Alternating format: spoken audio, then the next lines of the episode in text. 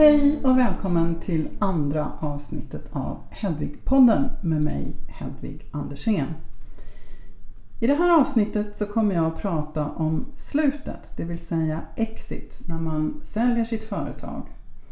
För som jag sa i förra avsnittet i introduktionen till integrerad kapitalanskaffning så är det faktiskt bra att börja just med slutet och att låta en framtida exit bli den målbild eller fyr som jag brukar kalla det som företaget ska navigera emot. För precis som vilken produkt som helst som ska säljas på en marknad så är faktiskt också ditt företag en produkt eh, som konkurrerar om en framtida köpare i konkurrens då med andra innovativa företag som också vill bli uppköpta av, av den köparen.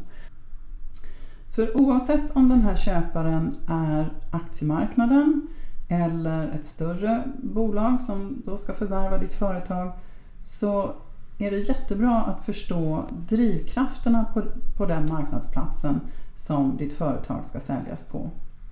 Och att hålla sig uppdaterad och analysera liksom vilka trender som finns inom en bransch Ehm, det brukar vara relativt lätt att göra och det gör man ju därför att man vill positionera sin produkt eller sin tjänst.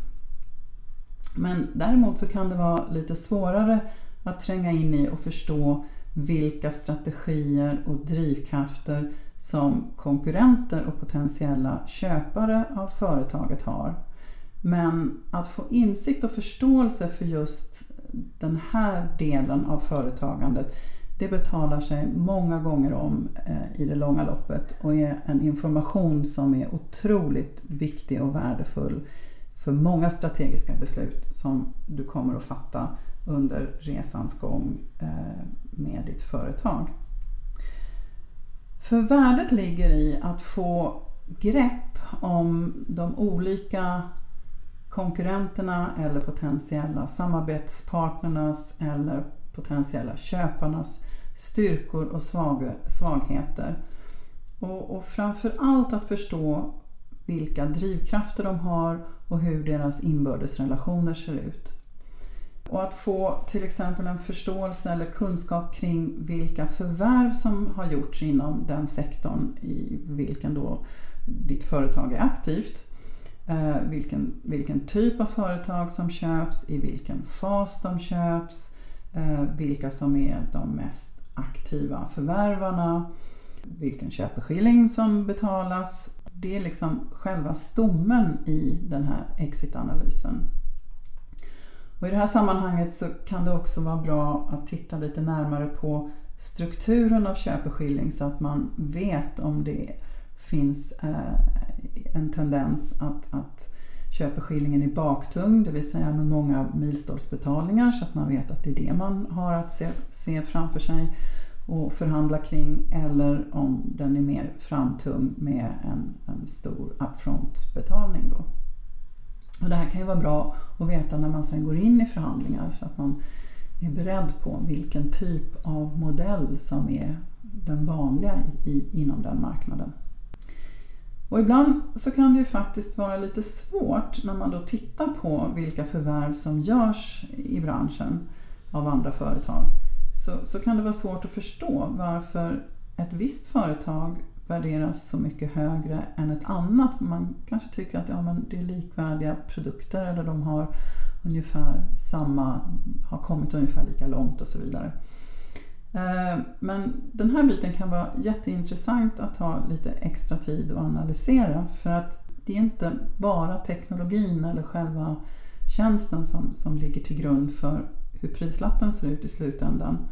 Och det kan också vara helt avgörande för framtida exitförhandlingar att, att ha en förståelse för eh, vilka bakomliggande drivkrafter som styr företagsförvärv i branschen. Och det kan också vara väldigt avgörande för framtida strategiska beslut, vem man ska samarbeta med eller inte samarbeta med eller ja, vilken, vilka parter som kan vara konkurrerande, som kan vara bra att få upp i en konkurrenssituation när man sen ska sälja bolaget.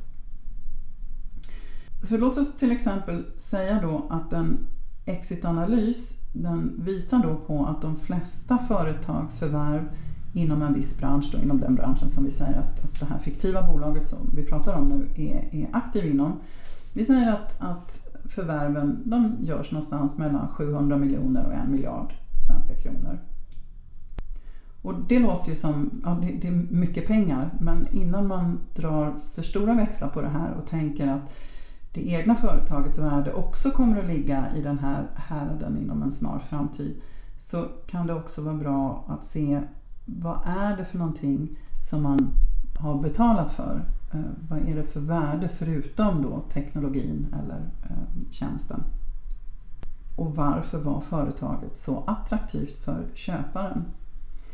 Och lite grann kring hur stort det var, vilken omsättning det hade naturligtvis, men också om det fanns ett välutvecklat distributionsnätverk som kanske var väldigt attraktivt för förvärvaren. Eller om det fanns ett forskningsnätverk som då det, det köpande bolaget ville komma över och få tillgång till. Eller kanske öppnade det här förvärvet upp nya marknader eller marknadssegment. Eller så kanske det var av väldigt stor strategisk vikt i relation till de konkurrenter som det förvärvade bolaget försöker positionera sig mot. Och det här kan man ju bara få en förståelse för om man ser de inbördes relationer som finns mellan de förvärvande bolagen. Så svaren på de här frågorna ger ju då en väldigt bra insikt i vad som kommer att krävas av dig för att du ska kunna bygga ett, ett minst lika bra eller hellre ännu bättre och attraktivt företag i framtiden. Så om vi då säger att vår hypotetiska exitanalys visar att de flesta förvärv då inom den här branschen som vårt företag är aktivt inom görs i spannet 700 miljoner till 1 miljard kronor så är det också viktigt att komma ihåg att det inte finns något linjärt samband. För att man kan inte tänka att ja, ja, men jag behöver inte tjäna liksom 700 miljoner. Jag är glad om jag kan sälja mitt bolag för 70 miljoner.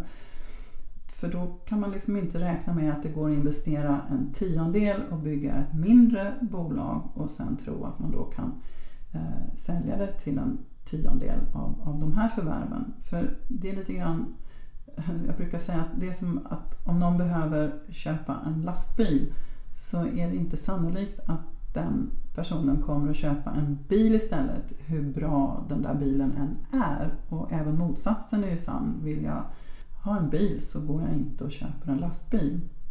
Och den här kunskapen är jätteviktig att ha med sig när man går ut och söker investerare också så att man får rätt investerare från början. Så att man inte har en, en för svag investerare när det sen visar sig att man måste bygga ett 700 miljoner kronors bolag för att vara intressant som förvärvsobjekt.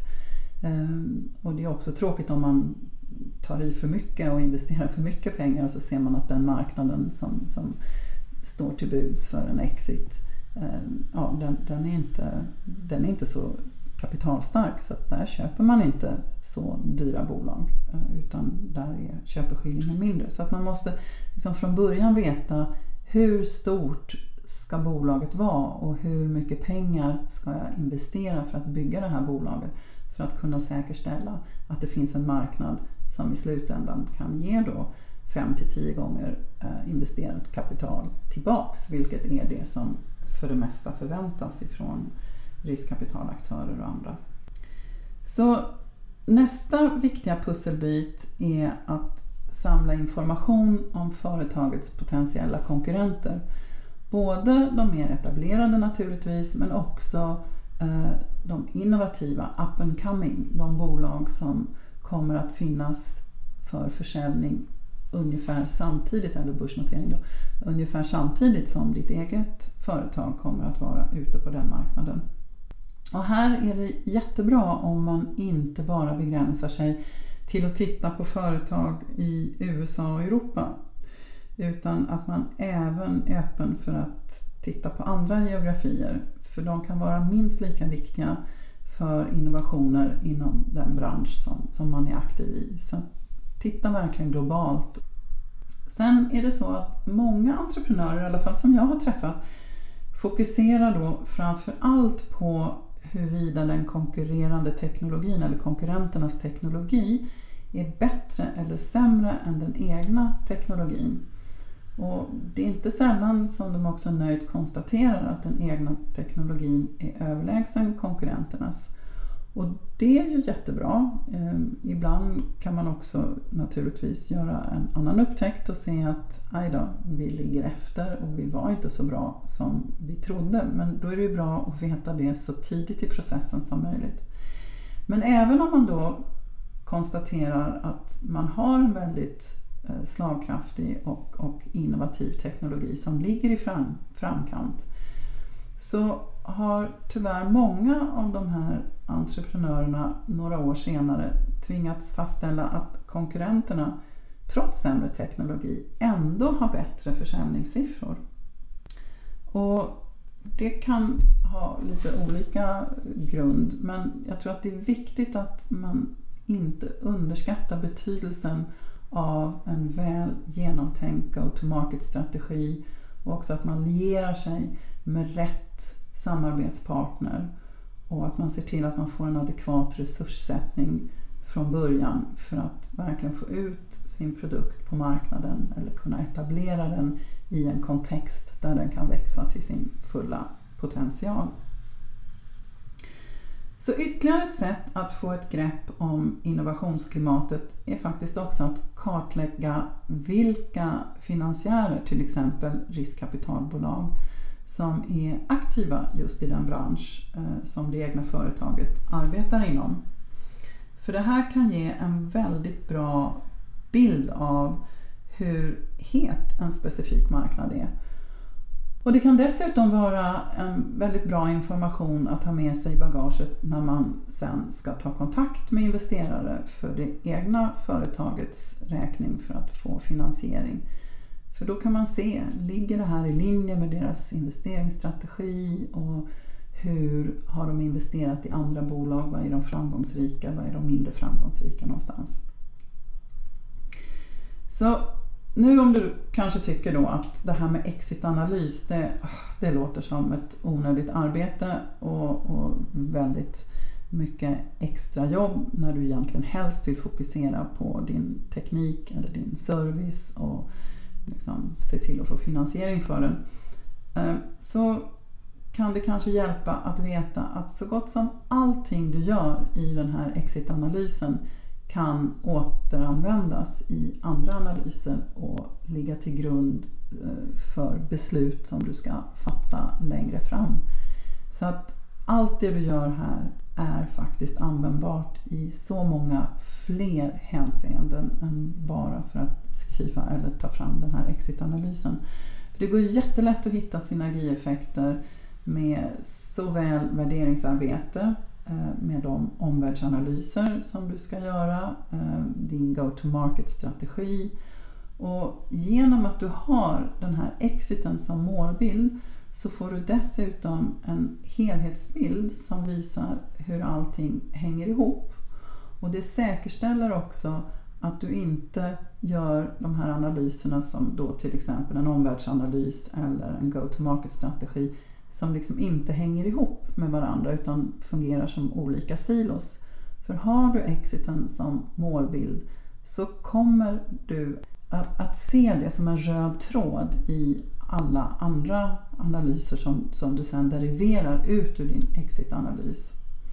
För oavsett om det handlar om en framtida exit då, eller om det handlar om kapitalanskaffning eller ägarstruktur, ditt utvecklingsarbete, din go-to-market-strategi, vilken styrelsesammansättning du ska ha i företaget eller vilket redovisningssystem eh, eller eh, värderingsfrågor så hänger alla de här bitarna ihop precis som kommunicerande kärl. Och ett beslut inom ett område kan få oanade konsekvenser inom helt andra områden. Och då är det väldigt bra att förstå sambanden och att kunna förutse det här i tid. Och det är det här som jag brukar då sammanfatta under begreppet integrerad kapitalanskaffning.